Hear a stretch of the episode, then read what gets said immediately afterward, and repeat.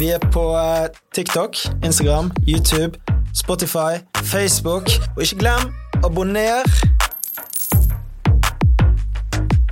Velkommen, Kristina Mo Gjerde. Ledertalentene 2022.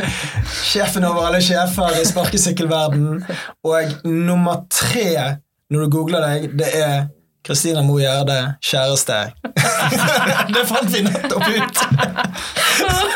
Det har ikke gitt så mye avkastning foreløpig. Før vi kom inn i studio, altså, akkurat nå når vi begynte, så sier du 33 år, ny singel, bor hos en venninne.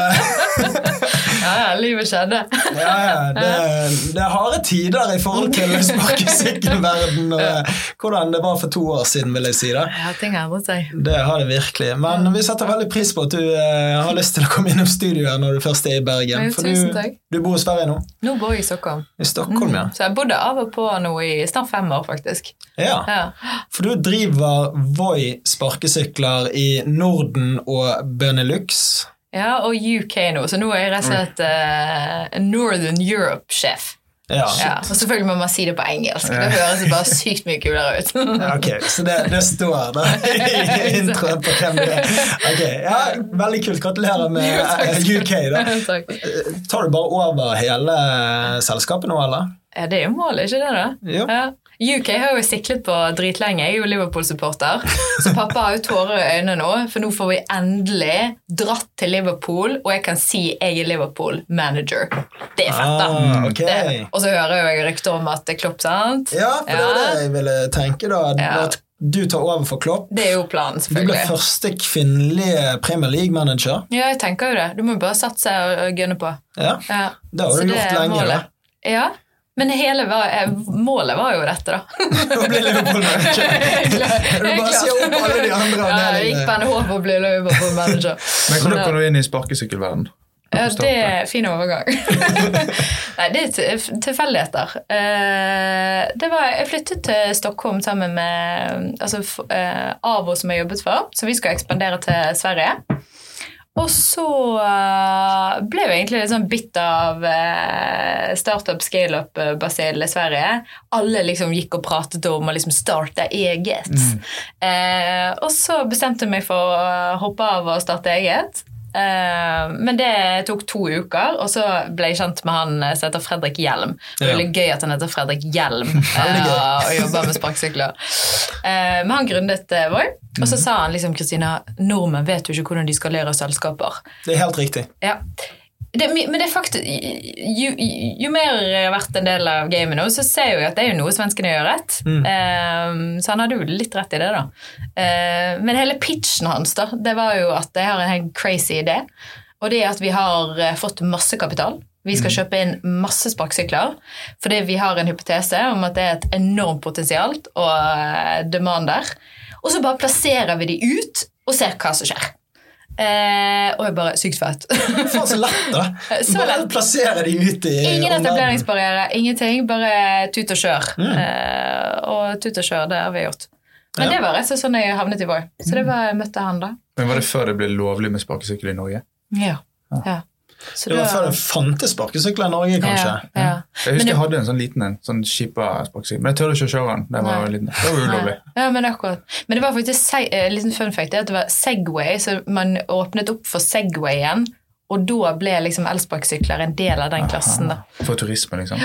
Og så er jo det, det Segway. Ninebot som dere Exactly. bruker eh, hele veien som sparkesykler. da. Ja. Så uh, yeah, I know my sparkesykler! Så eh, nei, dette, dette er bra. Men du var i Avo Consulting, og Mm. det gikk egentlig ikke så bra i Sverige, slik jeg har forstått det på Kristoffer. Nei, vi har gjort så mye feil. Ref det her med å etablere seg i nye markeder. Vi Ja. gjorde alltid feil i boken. Uh, men vi lærte jo det òg, da. Uh, så når vi nå i Voi Nå har jeg vært så heldig å få etablert eh, 16 land i Voi, så har vi lært litt av det også. Det vil jeg tro. Ja.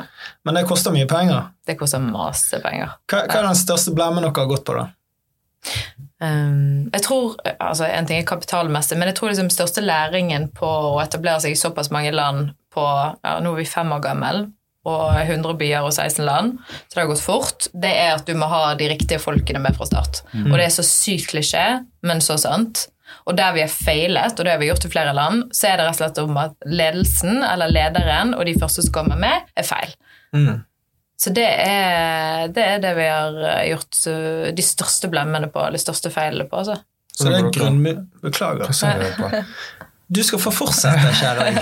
Hvordan går dere frem for å finne riktige personer? Mm, mye nettverk, faktisk. Um, så veldig mange av de som Og det syns jeg rett det her med liksom, hva er det Sverige gjør uh, som vi kan lære av. Det er jo at veldig mange av de, både på liksom, produkt og tech, men også de som er med å liksom, bygge selskapene, de har typisk vært med på en sånn startup scale-up-reise før. Sant? Så det er liksom høy, uh, høy frekvens og utbytte av talent mellom liksom, altså Spotify, og så har du gått til King, og så har du vært hos Klarna, og så har du kanskje vært litt hos Kry, og så kommer du til Voi, og så hopper du videre. Um, og det er sånn vi har ansatt veldig mange også. Eh, og det samme gjelder liksom ute i Europa. Eh, folk som har vært med på liksom et Uber-eventyr eller vært med på andre lignende. da. Eh, Så det er fortsatt er da? Ja, risikovillig, og liksom som har gått i en sånn startup scale-up-skole før. da. For det er et spesielt race og game. og Man jobber på en annen måte? Man jobber på en helt annen måte. Og jeg mm, tror vi er ganske ærlige på liksom, det her jeg tror ikke jeg passer for alle. liksom. Nei. Hvert fall i den fasen vi har vært, og nå er man inne i en litt annen fase. Men da er det liksom brett opp armene, gjør det som kreves, og løp. Sånn speed betyr noen ting. Ja, for det er jo det å balansere dette med å vokse enormt fort. Sant? At det kalles jo blitzscaling. Det er jo bare å kaste masse penger på å gå inn i nye markeder og ta og bli nummer én i egentlig hele markedet. da. Og det er jo det dere har gått for. Men eh, plutselig så blir det gjeldig dyrt å eh, kaste kapital etter er noe. For det, det. koster veldig mye å ha disse sparkesyklene. Og eh, det er ikke like lett for dere å skulle hente penger i dagens marked. Nei. Hvordan justerer dere Nei. deres bedrift og eh, forretningsmodell ut ifra det markedet vi står i i dag? Det er et jækla godt spørsmål, og jeg tror, eh, jeg tror eh, først og fremst jeg er veldig glad for at vi valgte en såpass fokusert strategi fra start av. Sånn vi startet jo i 2018, og på det tidspunkt tror jeg vi var liksom 19 selskaper av OK størrelse som hadde hentet liksom altfor mye kapital fordi at vi tikket altfor mange megatrendbokser. Sånn, så vi svømte jo penger. Så det var jo sånn, ok, hvilke markeder skal vi gå inn i? Skal vi gå inn i Tyskland eller Spania eller Italia eller Norge? Så er sånn, ja takk, alt. sant? For det er akkurat som du sier, det handler om fart, og det handler om eh, å ta den første, første posisjonen. Eh, men likevel så sier jeg at vi hadde liksom en fokusert strategi. Så vi sa liksom ok, vi skal bli størst i Europa, men vi skal bli størst i Europa på kjernen, som er elsparkesykler, og så skal vi legge på sant, elsykler og annen type mobilitet. Har dere det i Norge? Andre ting enn sparkesykler? Vi, eh, vi har eh, ingenting i Norge, eh, men vi har en del eh, elsykler i UK og i Tyskland og i Frankrike og Belgia. Ok. Skal dere inn i Norge med mer? Kanskje, men det er tilbake til det her med liksom fokusstrategien. da, fordi at det som du sier, at dette er rimelig kapitalintensivt. Det er liksom lavmargins business. Supermye usikkerhet og mye volatilitet i forhold til reguleringer, etableringer. Supertøff konkurranse. Så der sa vi liksom best på kjernen. Eh, absolutt dra skala med liksom fokus, fokus, fokus, og så skal vi være den som når lønnsomhet på skala raskest. da. Um, så nå, når eh, rikets tilstand er som det er, så er jeg veldig glad for at vi valgte den strategien, og ikke eh, spredte oss enda, enda mer. Ja, for du har jo andre konkurrenter som har hentet mye mer penger enn deres. Ja, Tier, eh, f- for eksempel. De har jo hentet altfor mye penger. Ja, ja. Og eh, skulle være mikromobilitet Akkurat. når det kommer til elektriske skotere, Ja. elsykler, Ja. mopedbiler, Ja. alt mulig. sant? Ja. Og klarer de å overleve i dette markedet, liksom? Altså, no, de sliter jo, sant. Ja. Det er jo Der trodde jo man Jeg husker liksom for tre år siden når Softbank la gud vet hvor mye penger eh, på bordet for, for tida på det tidspunktet, så tenkte vi ja, ja, shit, nå er det liksom eh, Nå går, fortsatt vi å gå all in på det vi tror på. Det er liksom fokus, fokus, fokus, og bli best på det. Men betyr det her liksom, Det var en klump i magen som betyr det at de nå bare kan kaste alt mulig kapital, og så er det liksom over og ut for oss? Mm. til at til at eh, Nå får jeg det veldig morsomt, da. Nå skal jeg eh, Nå sporer jeg ut, da, men nå fikk vi rett og slett beskjed om å slutte å slå i bordet. Og det er ikke første gang jeg har fått beskjed om Jeg bruker hendene veldig mye når jeg snakker. Ja, dette ble veldig bra på YouTube. Men eh, nei, det på, på tier og cash, det er jo, nå går jo ikke så bra, da. Eh, og det har du for mye cash på, på bok, eh, så blir du dårlig på prioriteringer. Og du sier kanskje ja til litt for mye. Eh, og da glemmer du kanskje hva du egentlig kommer til å tjene penger på. Eh, og det er. Ja, jeg tror det er veldig mange som har hentet altfor mye penger. Ja. Jeg føler liksom, Det å få penger fra softbank det er som å bli Forbes 30 under 30. Det er liksom et stempel på at du kommer til å feile. Da. Det er bare sånn, Dette funker det her Er ikke. bitter eh, Nei, jeg, jeg, jeg er ikke bytte mot noe. Skulle du ønske på at du Bare Forbes eh, 30 under 30. Nei, jeg tror jeg må først på DNs 30 under 30 før jeg er der. Er du på den listen? Uh, nei. Okay. nei, jeg er langt over 30 nå, så Ja, ja, men før. Tiden er eh, forbi. så- ok. 40 under 40. Det er mange muligheter. Nei, men uh, dere har jo f.eks. Bird, da, som var en av de første inn i sparkesykkelmarkedet. De er Ja. jo konkurs nå. De, ikke, de har bare oversvømt markedet med sparkesykler, som bare ligget i alle mulige gater rundt omkring i verden, og Mm. aldri kunne fornye egentlig sparkesykkelparken sin. sant? For Mm. i starten så var det så enorm utvikling på eh, batterilevetiden, og levetiden egentlig på sparkesykkel i sin helhet, Mm. Ja, og kraften som var i en sparkesykkel.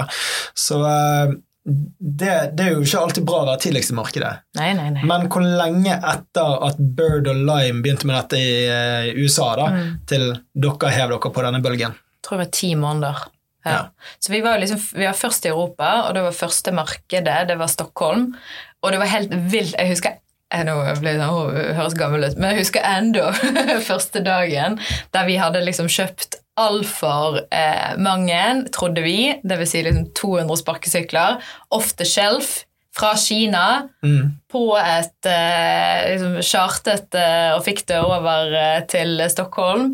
Vi sto utenfor 7-Eleven på Stureplan med liksom masse flyers, masse, masse gig, masse merch, og fikk da folk til å prøve sparkesykler. Det var aldri vært så mye kø og folk på Stureplan for å teste de elsparkesyklene.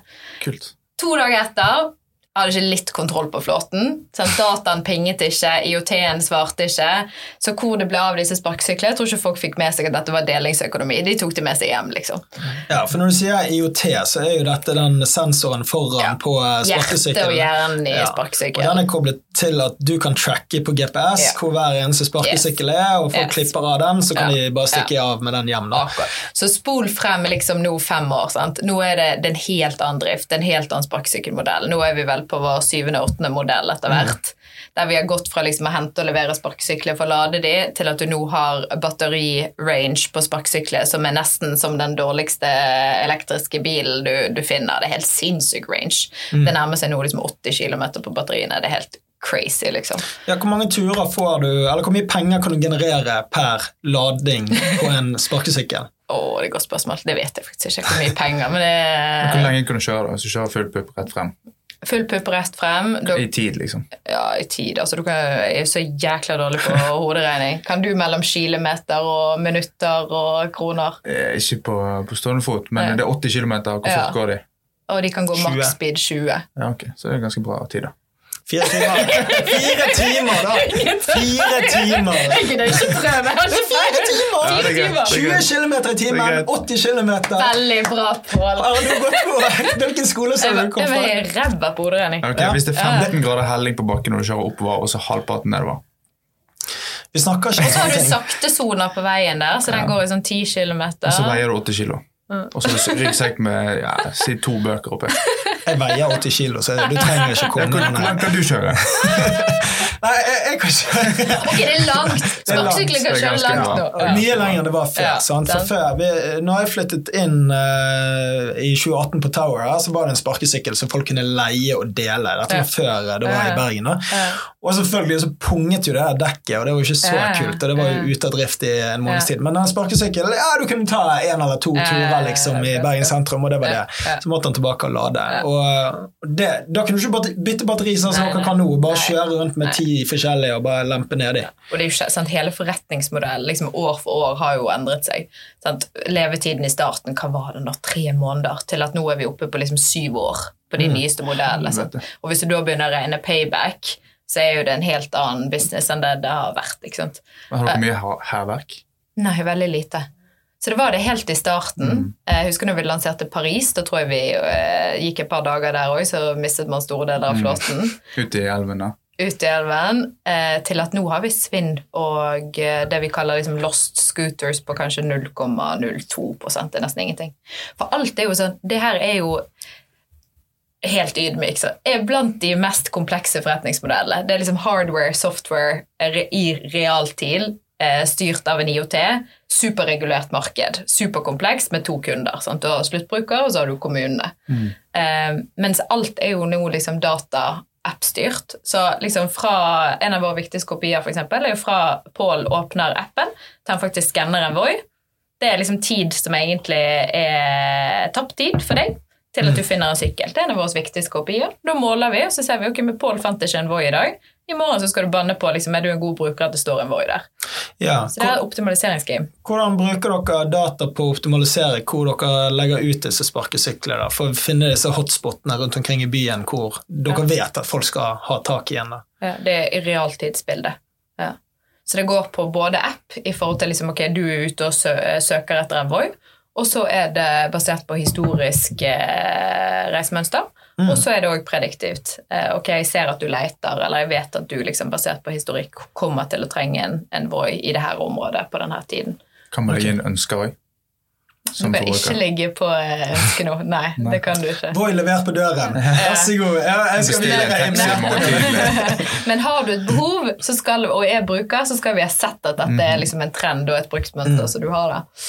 Ja, eh, min bror han var sjef for eh, City Manager i Oslo for Ride da Ja. når de gikk inn der. Ja. Og eh, De hadde jo en strategi om å bare stå på Nationaltheatret og bare pøse ut sparkesykler sånn at det alltid var tilgjengelig uansett. Ja, Så skulle det være en ride der, og du hadde så og så mye gratis ved å legge inn eh, kortet ditt eller noe sånt. Og det var jo sånn de bare føk inn i Oslo, og eh, på et tidspunkt i hvert fall var størst i Oslo. For de eh, hadde jo Sharebike sin lisens, og de hadde noen andre lisenser.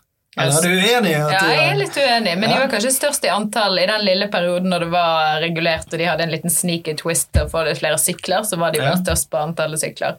Men Oslo er jo et altså, Og Norge du, tar- Jeg husker liksom helt i starten i vår, så satt vi og så på liksom, hva markedet er vi skal inn i. Så så vi på Norden og så på Bergen og bare Det kommer aldri til å gå liksom, med bakker og brostein og klima.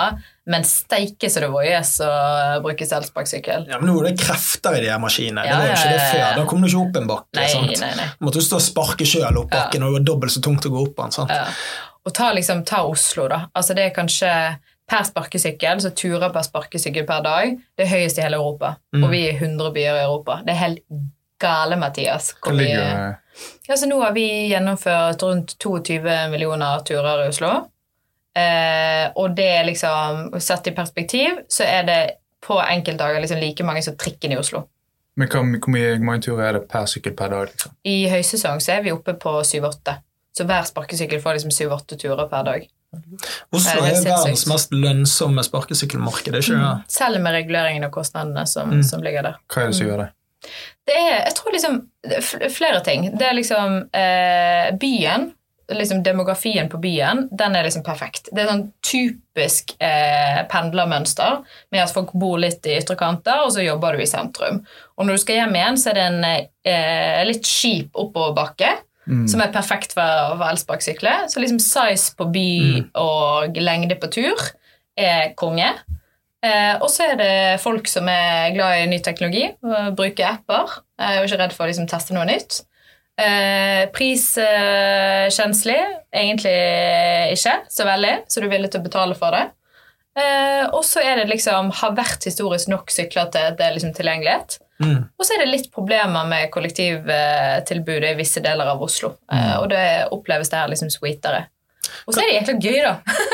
det, Ja, ja. Ta boardslide bortover med sparkesykkel. sant? Batteripakken begynner å ta fyr. Og, ja, det er kjempekjekt. Men eh, det er jo ikke bare bare å drive med sparkesykler. Det har vært mer enn noen byer man har prøvd, og så har man blitt kastet ut der, og så har man kommet inn igjen. Var dere i København, f.eks.? eksempel? Ja, vi trakk oss ut av København faktisk i høst. Ja. Hvorfor det?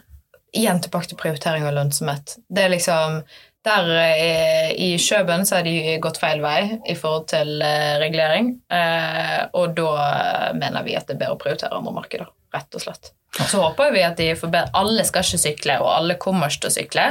Og det er jo der vi mener at vi hadde hjulpet å ta et marked som ikke liksom, en vanlig sykkel hadde tatt til Kjøben. Men rett og slett for ulønnsomt nå. Ja. Er markedet overregulert nå? I Kjøben, ja.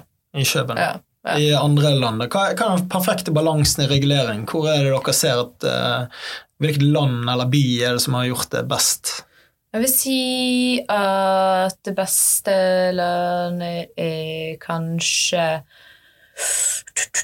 Akkurat nå er det kanskje Oslo er oppe og nikker. Mm. Eh, og så er det kanskje Brussel i forhold til det de prøver å få til. De vil liksom ha to til tre operatører med liksom en stor eh, nok flåte til at det er bra tilbud. Og Oslo har liksom, de er regulert på bra premisser og sånn i anbudene sine, men de må ha flere sykler. Mm. Altså Med tanke på den etterspørselen det er, så syns vi det er feil at politikerne skal inn og si at liksom, så mange sykler skal det være. Hvis folk ønsker å bruke elsparkesykkel, så må jo det være litt mer tilbud og etterspørsel. Ja, for det er bare 8000 sykler, men på det ja. høyeste så var det vel 20 000 ja. Eh, sykler. Og ja. Eh, det er jo altfor mange. Men det var jo pga. konkurransen. Nå er jo det kuttet ned til at det kun er tre aktører. sant? Og da burde du egentlig møte etterspørsel. For enkelte deler i Oslo så er det altfor få sparkesykler tilgjengelig, og enkelte steder så er det kanskje for mange pga. De har jo seksjonert ut at du må være der, så må du ha så og så mange sykler. sant? Det er jo ikke bra regulert, nei, det. da. Nei, enig, enig. Det må være et mye mer dynamisk bilde på det der. Men det er litt sånn, jeg husker Helt i starten så fikk vi så mye overskrifter. var det sånn, Oslo svømmet over av sparkesykler. Og da var det 100 sparkesykler ute på gaten. og det er jo samme overskrift som var der når det var 28 000. Oslo svømmer over. Så det er noe med det her liksom persepsjon igjen også som mm. har noe å si. Og vi, eh, vi hjem, hjem, hjem, hjem, Hvordan sier du det? Haunted på norsk. Ja, haunted. Hjemsøkt. Hjemsøkt. Ja, hva sier du på svensk, da? Du bor jo i Stockholm. du kan jo dette. Men er, man, man, er så svengelsk, så du sier Hjemsøkt! men uh, Hva vi skulle si? Ja, men vi, vi, har jo fortsatt problemer etter det ene bildet, husker jeg, på mm. Aker Brygge, når alle skulle ta seg en pils etter korona. Det var det altfor mm. mange sparkesykler der. Og det var 28 000, og det var det en svømmer over. Og da er jeg enig, da svømte det over. Men det er noe med persepsjonen òg. Hva er det perfekte tallet? Oi, det er tilbud etterspørsel. Men jeg tror i hvert fall vi skal doble i Oslo. Ja. Tror du det skjer, da? Ja, det tror jeg skjer. Ja. Okay. Ja. Jeg tror det må skje. Herregud, nå må, eh, nå må ikke vi få ned utslippene. Flere og flere kommer til å bo i Oslo. Eh, det er ikke plass. Kollektiv blør, det er altfor dyrt. Eh, koster altfor mye skattepenger. Så de må tenke nytt når det kommer til mobilitet. Men dere, skal, dere, har lyst til å vokse dobbelt så mye, men nå har dere kuttet 12% av staben yes. i går. Er det i Norge, da? Ja, eller? Nei. um, så ingen, ingen, i Norge. Uh, og det er rett og slett en del av liksom, overordnet prioritet. Mm. Vi må uh, og skal levere lønnsomhet. Uh, ikke bare sånn lekelønnsomhet på EBITDA-nivå, men mm. EBIT-bunnlinjelønnsomhet bunnlinje lønnsomhet i år. Mm. Og da må vi ta noen brutale prioriteringer når det kommer til prosjekter og ja, markeder vi, vi er i. Um, så trist, selvsagt, fordi at uh, noen mister jobben, men uh, det er òg et marked i endring. Så uh, vi håper og tror at det her setter oss opp for suksess. da. Ja, for 12 av staben, og dere var 2,5 fra lønnsomhet i fjor, ja. eller 2022. Ja. Sant? Så da du går på dere... research, du, Pål. Helt rå. Imponerende. Så uh, know my sparkesykler. Men uh, ja, nok, nok sparkesykler. Vi vil gjerne lære mer om deg, da, for mm. vi, vi, kan jo ikke så mye. Hvem er Kristina? Og uh, du har jo måttet gå gjennom ganske mye her. Hvordan håndterer du liksom alt det presset du har fått på deg, og medieoppmerksomheten? Sparkesykler har jo ikke vært verdens enkleste ting. Jeg husker Johan i Raid eh, han sendte meg melding og bare sånn du, eh, Kan du snakke med noen i Bergens Tidende? Vi har fått sånn 250 negative eh, artikler. Jeg vil gjerne ha en positiv en start. Jeg, har ikke vært mye positivt sånn sett, nei. nei, nei. Så, nei. så, han var ganske lei av bergenske medier, og ja. regner med at du som har ansvar for enda større områder, ja. har fått ganske mye pes internasjonalt og lokalt. Ja. ja. Og det eh, sto ikke stillingsbeskrivelsen, det gjorde det ikke. Og heller ikke gått de her fagene på, på, NHH. Men det tror jeg er like greit. For jeg tenker sånn, Hadde man visst Og det, det skal jeg være ærlig på, hadde jeg visst den stormen man skulle stå i før det skjedde Nå er jeg glad for det. Mm. Da vet ikke om jeg hadde sagt ja. Eh, for det, det, har liksom vært tøft i perioder, for du forsøker liksom å bygge et selskap, eh, eh, motivere, bygge team, eh, ha roen, ta de riktige beslutningene samtidig som du liksom står i en storm. Og sto i den stormen ganske lenge.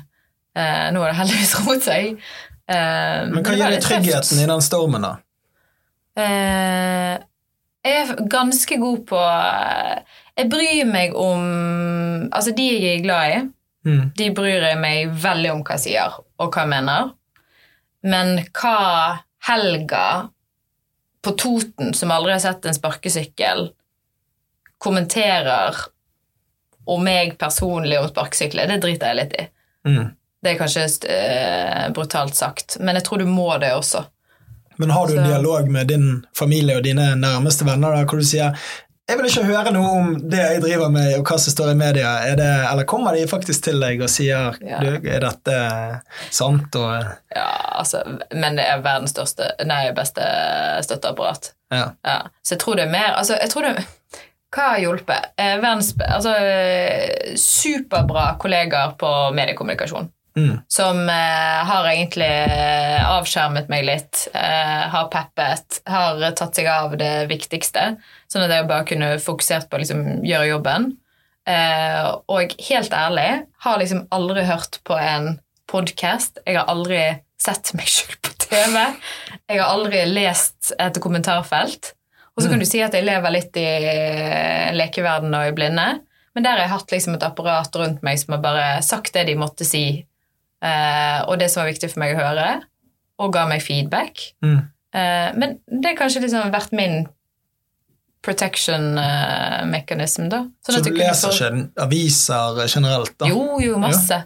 Men jeg har ikke lest meg sjøl. Nei, det gidder jeg ikke. Ja, det er jævlig skummelt. Det er Ja, liksom nei, sånn, Man skal jo uttale seg om ganske Ja. mye, og så kan det bli vridd ganske greit på. Sant? Eh, Vi skal jo vri på dette her ganske fint i ettertid i tillegg. Sant?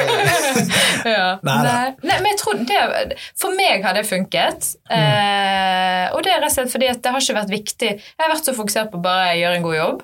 Og hva som da skrives om, det er liksom Jeg får høre og få feedback på det som er viktig. Mm. Men jeg trenger ikke høre hva folk tykker og tenker om et antrekk jeg hadde på meg, eller hva jeg sa der, og at nå er man lei for at det er feilparkert sykkel utenfor igjen. Ja. Ja.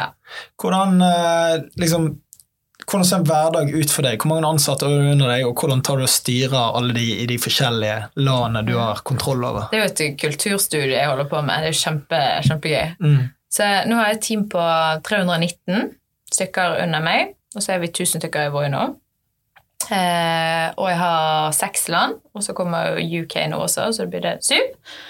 Eh, og jeg har en nydelig ledergruppe av landsjefer for hvert land, som jeg har alle vært med å ansette.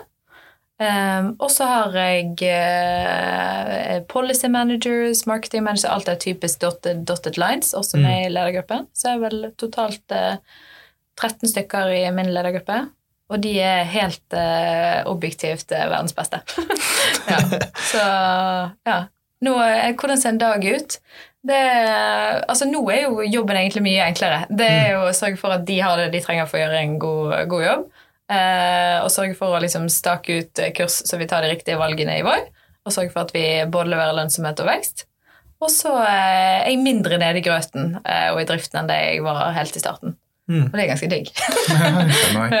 For du er litt sånn Jørgen Klopp, sant? Du klemmer og eh, Hjelper du meg med søknaden nå? Ja, du, du, du, du, snakker jo eh, Du er veldig tett og ser disse her kollegaene dine, for det at du var jo inspirert av din far som lederrolle, sant? du gjør så research igjen, du. ja.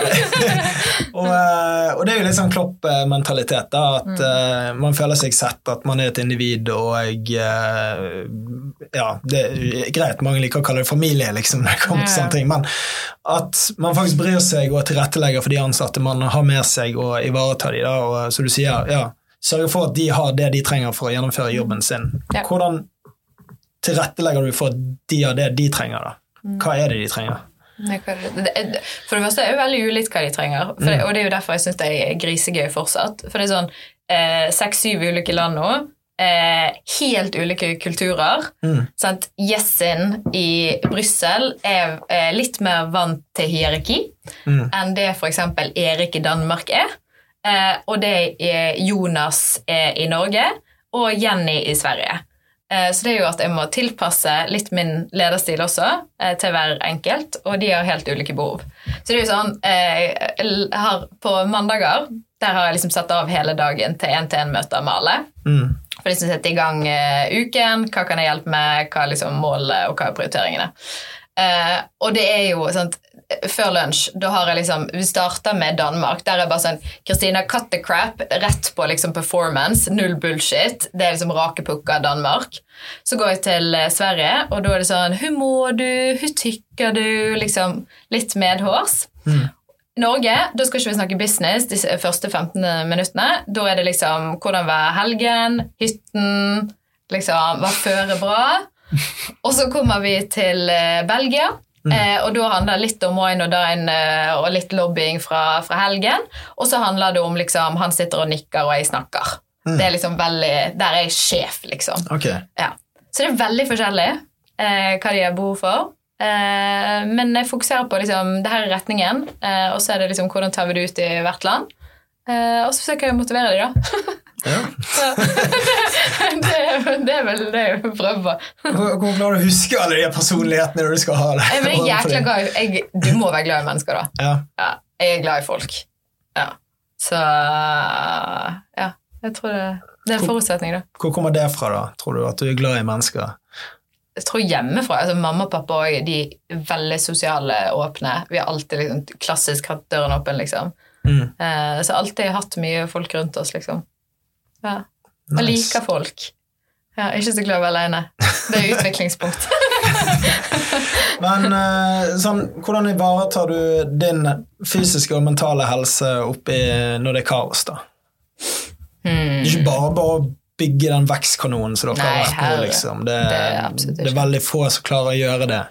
Så står jo du midt i det og bare tar Ja. mer og mer over deg. Ja. Jeg tror, altså, Først vil jeg bare være ærlig på at det har jo ikke alltid gått bra, liksom. Eh, jeg har gjort masse feil og har i mange perioder prioritert eh, meg sjøl nederst fordi jeg har brydd meg så mye om det vi holder på med, og jobben som skal gjøres, og teamet, liksom. Mm. Så jeg har vel blitt bedre og bedre på å prioritere meg sjøl. Men det var en periode der det var sånn Det her går ikke lenger, liksom. Nå går det på liksom helsen løs og relasjoner, sånn, familien, venner, eh, fritid, er, hobbyer er så viktig for meg. Men det var en periode der at det liksom sto på som verst at jeg liksom ikke hadde tid til det. Og da var jeg sånn Sjekk inn med deg sjøl. Er det verdt det? Kan du gjøre noe? Endringer? Og så gjorde jeg det. Så nå føler jeg jeg har en fin balanse. Jeg føler òg jeg gjør en mye bedre jobb når jeg har en god balanse.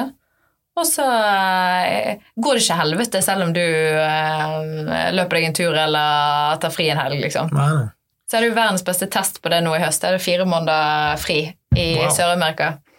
Og teamet klarte seg så bra. Hvor var du i Sør-Amerika, da? Eh, reiste rundt. Hele Sør-Amerika? Eh, ja, så vi var i Argentina, Peru, Brasil, Colombia, Mexico og Guatemala. Og hva var favorittlandet? Peru. Peru. Jeg er enig. Ja. Du skulle Har du vært Bolivia, der? da. Ja, jeg har vært i eh, Argentina, Uruguay, Paraguay, Chile, Påskeøyene, Bolivia, Oi. Peru og Brasil. Ja. Okay, det ja. Men eh, det var tolv år siden, da. Så Shit. når jeg var 20 år, så backpacket jeg alene. Så. Hva er det som skiller ut uh, Peru? Nei, det er jo historien, og at det er veldig autentisk eh, i forhold til Latin-Amerika. Argentina er jo egentlig bare som å komme til Italia, nesten, sant? Mm. eller Spania. og Det samme er jo Chile. Eh, veldig eh, europeisk kulturby, Mm. alt. Men når du kommer opp i Bolivia, for eksempel, og Peru, så er det sånn Der er de inka-mennesker ennå, Ja, de har virkelig vært ja. Og eh, Var du på Machu Picchu, da, eller Ja. var det stengt? Ja, Ok, det var åpent. Gikk du ekte Inca-trailen? Nei, for vi hadde Og det angrer jeg vilt på. Så Mm. jeg må tilbake.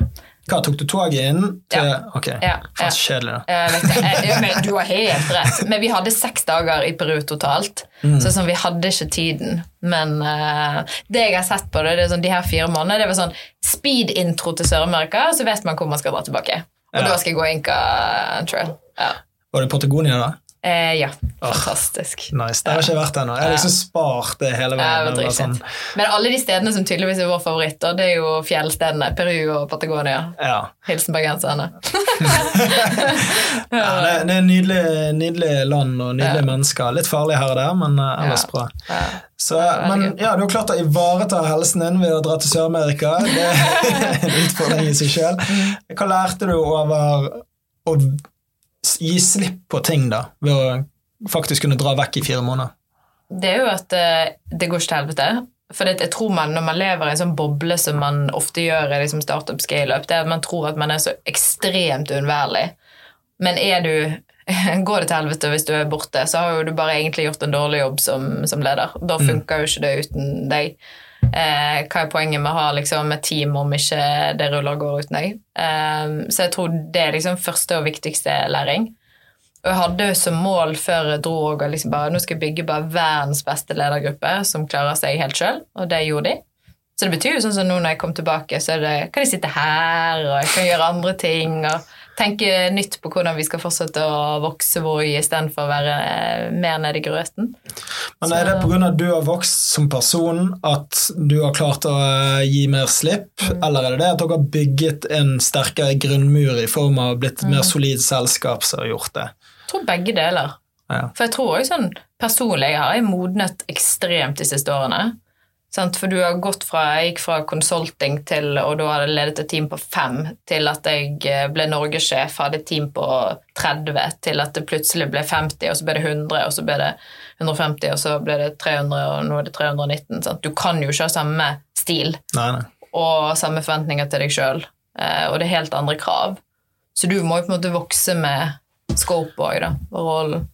Ja, for du, du, har kanskje merket det å være en ung leder og tatt på seg så mye ansvar og gått ut i media ja. og måtte levere på disse tingene. sant? Ja. Og så har du kjent på kanskje mestring underveis. Og, og alt annet enn mestring. men uh, du lærer jo det òg. Ja. Hva tenker du på da? Nei, men herregud, Jeg har gjort masse masse eh, feil og ting som jeg tenker tilbake på. Hva i alle dager holdt jeg på med der? Mm. Uh, så, men jeg tenker det er en del av prosessen, liksom. Det er sånn du lærer, da. Ja, det er sånn du lærer. Men, Men hva tips ville du gitt til deg sjøl hvis du skulle vært begynt igjen i samme rolle nå, da? Hva... Den er spennende. Mm. Jeg føler jeg er på terapi. ja, vi kan ta en psykiatersession etterpå. Gå, nei. Eh, jeg tror jeg har så sykt foten på gasspedalen, og hadde nok hatt godt av å Absolutt, du må ha liksom speed og gunne på. Men å stoppe litt mer opp og sånn klassisk reflektere litt. Mm. Og liksom bare sånn, og da tror jeg i den refleksjonen at jeg hadde tenkt at liksom ikke alt er like viktig, og at man har mer liksom egentlig bare mindspace til å gjøre enda mer riktige ting. Uh, så jeg tror det er liksom blant hovedessensene. Og at liksom ta mer fri, som gjør at du har overskudd. Og overskudd til deg sjøl, men òg overskudd til liksom teamet rundt deg og òg tenke liksom nytt og tenke, og sørge for at du har liksom et uh, hode som ja, lar deg ta de riktige valgene, da. Uh, og mindre hamsterhjul, og mer liksom zoome ut, tror jeg. Ja, det tror jeg er veldig viktig å zoome ut, for ja. du blir plutselig bare sånn låst i den verden, og så ja. ser du ikke 'Å ja, hvor var vi for et år boble. siden?' Sant? Ja, ja, ja.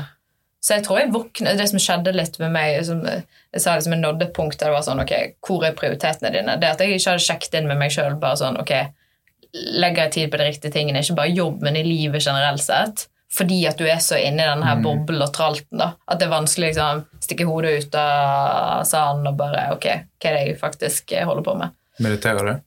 Nei. Nei. Men jeg har skjønt at det er veldig er bra og trendy. og... Stikke hodet litt ut av den boblen. Ja. Et par minutter for det. Gjør du?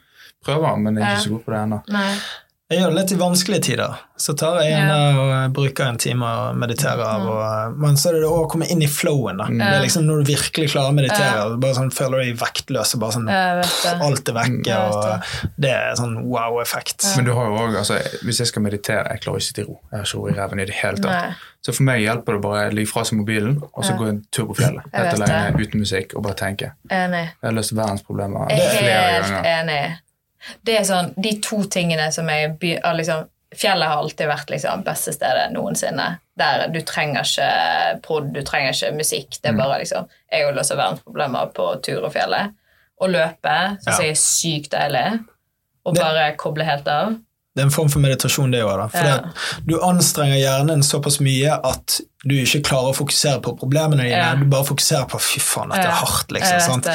Og det, det tror jeg er med mange toppledere. da. Ja. Og Grunnen til at jeg ser liksom sånn, eh, ja, skjerpe seg til Sparebanken Vest, gå opp eh, Stolsen hele tiden. Det er folk, Rune Bjerke som i en alder av 60 løper Oslo eh, maraton eller halvmaraton eller hva det var. liksom, sant? Det er jo bare du er nødt til å pushe hodet ditt til at du ikke har mulighet til å tenke på alle de andre problemene du har. da. Ja. Hvor du bare hjernen bare Ja. fokuserer på Ja. det å det overleve. jeg. Men jeg, men jeg tror, for min del, da, som er såpass liksom Jeg går all in, eh, mye konkurranse, sant? jeg vil gjøre det bra.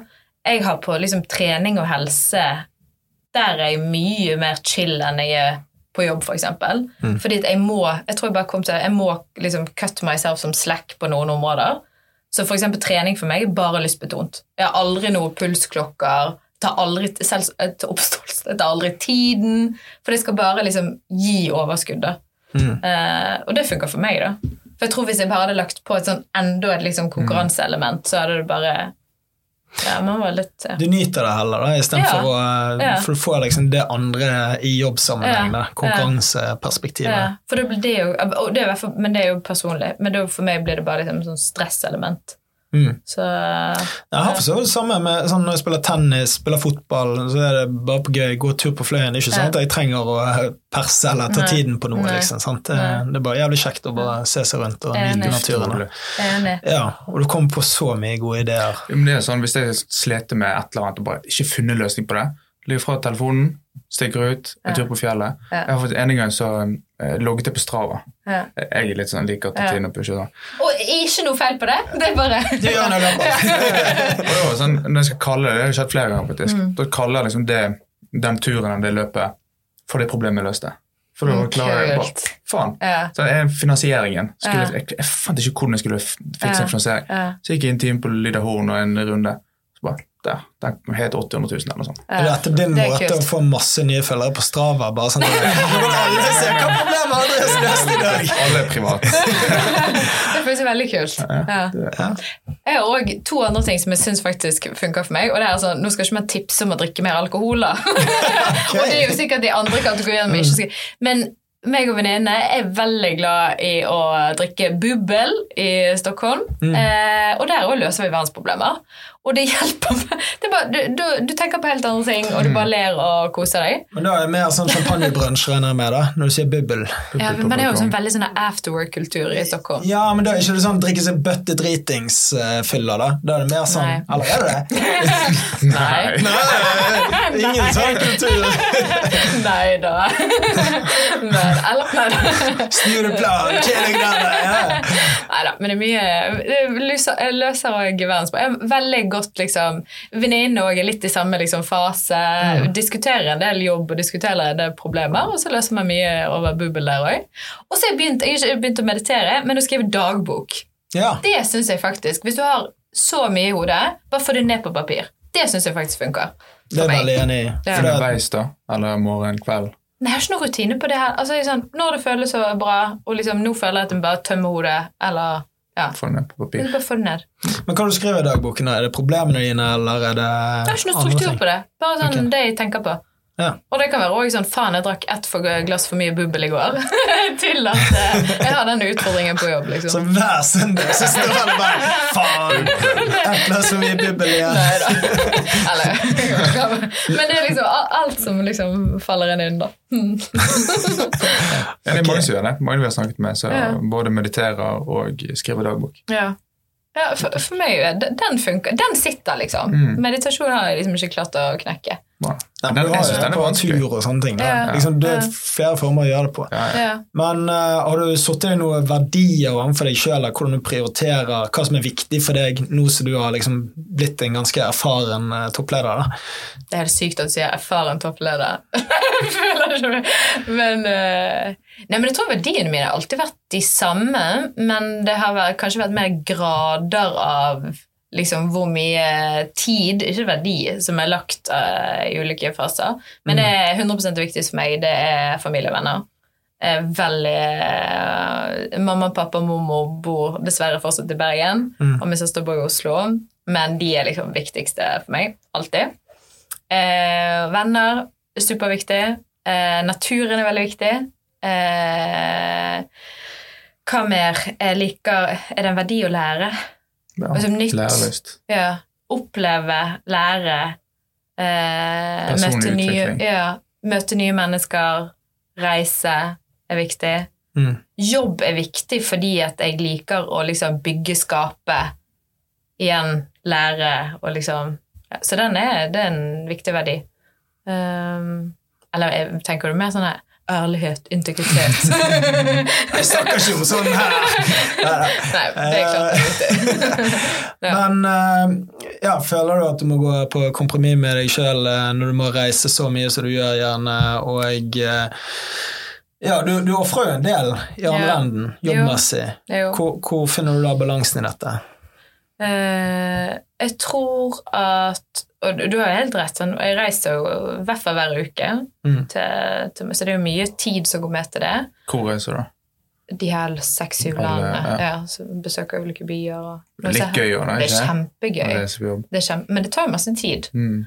Uh, men tidligere så har jeg vært liksom den som har tapt på det. Tapt på det er vel uh, egentlig meg sjøl. Så jeg har vært mer sånn ja, men jeg kutter ned på søvn, jeg kutter ned på liksom egen tid. Fordi det har vært så viktig for meg med familie og venner, samtidig som jeg har jobbet mye, og samtidig som man har villet reise. Eh, men nå er jeg blitt litt flinkere til det, da. men uh, hvis jeg skal holde i det lange løp, så har jeg skjønt at det er viktig. Uh, men kompromissene kommer vel på Altså, jeg prøver Altså, jeg, jeg, jeg tror jeg bare, bare veldig bevisst. Hva, hvem er det som er viktigst, og hva er det som er viktigst? Og så er klassisk liksom, være til stede når man er til stede. For det er sånn, når du nå var med mormor i går, sant? så er det forskjell på å være med mormor og halvjobbe og være med mormor og ha kvalitetstid, Mm. liksom. Så du har sliter jeg. Jeg sliter veldig med det der, å Ja. være til stede. Ja. Men jeg hørte en quote, eller så på TikTok, jeg tar det som er, altså den, den bruker jeg ofte. Eh, vær der føttene dine er. Så hvis du, liksom, hvis du sitter og drøfter, eller sitter og snakker med mormor, Ja. og så sitter du egentlig og tenker på jobb, så tenker du hvor er føttene mine? Føttene mine er her hos mormor. Da er jeg òg her hos mormor. Så kan jeg tenke på jobb etterpå. Det Den funker den veldig bra var for meg. fin. Den var fin. Jeg sliter veldig med. Så den. den, på TikTok fant du der, mens du satt med din mormor. ser den lagret jeg. Vær der føttene dine er. Ja. Den syns jeg er fin. Den skal ta, den skal jeg stjele. Ta med deg. Ja. Skriv Så den i skriver det i dagboken. dagboken. Er du på TikTok, da? Nei. Nei, ikke Altså, jeg, er så, nei, men jeg, jeg henger så Min min søster jo, eh, mobber meg alltid, for jeg er så langt bak alle sånne uh, trender og Ja, men det er en Det som går viral. Det er sikkert det beste du har gjort i ditt liv, det er å holde deg unna unna Jeg er liksom dårlig på sosiale medier. Nettopp. Det er veldig Ja. bra. Det er bra å være Ja. dårlig på sosiale medier Ja. om dagen. Nei. Vi er jævlig gode på sosiale medier, Ja, nei, og det er ikke går bra. Nei, jeg er dødsdårlig på å liksom svare sosiale medier, tekste. Jeg tekster ikke. Da ringer jeg. Så jeg er en Ja, jeg ringer. Ringer. Ja. Jeg fikk, før du ringte meg i sted, så fikk jeg et svensk nummer. Jeg var sånn, ja det kan jo være under svensk telefon. Og så var det sånn her, eh, ja, sånne luretelefon, jeg vet ikke hva det er. Telefonselgeren. Ja, men sa så ikke svarer deg, da. Så bare sånn, Hvorfor ringer de meg hvis de ikke har tenkt å si noe? Skal de bare ta stemmen min og begynne å ringe til mine foreldre og si hei, vips meg 50 kroner, liksom? Bare, jeg vet ikke. Nei, jeg lar henne ringe. Ja. Men når du er i Bergen, hva, hva er det du bruker tiden din på da? Mm. Kan jeg tippe? Ja. En venn av familie? Og Fløyen. Og Og ja, tur, ja. fjell. Jeg har sett deg gå opp Fløyen en gang. eh, Det var vel ett og et halvt år siden. Så jeg var på vei ned, og du var på vei opp med din far. Så da multitasker du, da. Så. Nei, men meg, jeg har vært med pappa to ganger jeg, på denne i helgen. Ja. Det, jeg synes det, eh, det savner jeg så sykt med å bo i, i Stockholm. Det er liksom naturen og fjellet. Mm. Og du sitter så Altså, ja. Det, Men startup-kultur i Stockholm mm, versus i Norge du, Du har jo vært i Oslo og vært ansvarlig der, og i Mm. Norge og i, vært i Bergen en god del. mm. Hvordan er mindset-forskjell og det å skalere i tillegg, som du nevner, er svenskene mye bedre på enn vi er? Så de er jo mer amerikanske.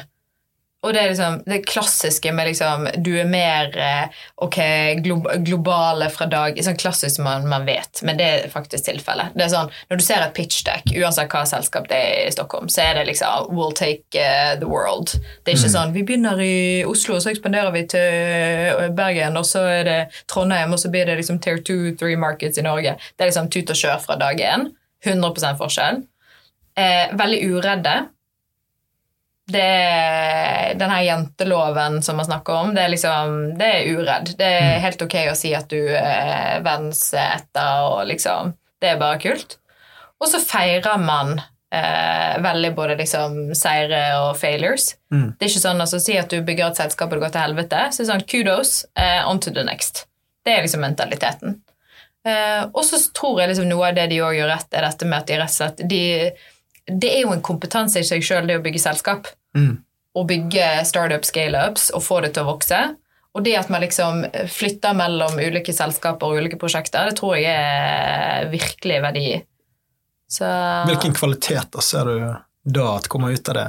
Du hyrer jo mange av disse folkene. Ja. Nei, men det er det at man har erfaring, både i forhold til liksom hvordan man praktisk gjør tingene. Mm. Hvordan etablerer du deg i et nytt marked? Eller liksom, hvordan bygger du team fra scratch? Eller hvordan liksom, prioriterer du riktig fra starten av? Men så er det òg sånn at det du trenger i et game som vi har vært gjennom, det er at du trenger grit. Mm. Sånn, du vet at liksom, ting er i konstant endring. Du vet at du kan legge en plan, men mest sannsynlig er den planen utdatert om to uker. Liksom. Og det er en mentalitet og en, en øvelse bare i det, liksom. Mm. Mm. Hvor er Voi om to år? Oi. Da håper jeg at vi er en klar nummer én i Europa. Vi er lønnsomme. Og så nærmer vi oss en børsnotering. Kult. For det er end goal. Børsnotering. Ja, nå er jo ikke jeg som bestemmer alt her, men. Nei, Hvis det gjør at vi kan fortsette å vokse, og kanskje vokse ut av Europa, så håper jeg det. Ja, for mm. dere har ikke touchet USA i det hele tatt? Ikke ennå, fordi vi har sagt liksom vi skal fokusere. Eh, og når vi vinner Europa, så skal vi ta, ta jeg håper Australia. Men da har jeg sagt da tar jeg, jeg tar det landet, jeg. Hvorfor Australia? Jeg har aldri vært i Australia. Okay har så sykt lyst til å, dra. Så jeg tenker at uh, why not? Men en siste ting før vi runder av. da. Du har studert på Berkeley. Mm. Og eh, det er jo rett ved Silicon Valley. Så du har jo lært ganske mye av å være i det området og, og eh, mentalitet der. Hva, hva, er det beste du har lært av å studere i USA? da? Å være i det miljøet? det at man kanskje er drømmende naiv. At det er liksom sånn Igjen tilbake til her, liksom, sky is the limit. Hva er det verste som kan skje? Du gønner på. Og så går det til helvete, så går det til helvete. Ja. ja da runder vi av der. Tusen takk, Kristine. Setter veldig pris på at du kom i studio. Og ikke glem, abonner. Vi er på eh, TikTok, Instagram, YouTube, Spotify, Facebook. Vi er sikkert på Venmo Nei, Venmo er så mange. Ja. Viaplay. Vi snakkes. Men viktigst av alt, vi er der føttene er. Ja. Vi er der føttene er! Med beina plantet på jorden. For vi er i Norge, og vi skal ikke være naive og tro vi tar verden. Sant, Andreas? Takk for oss. Ha det.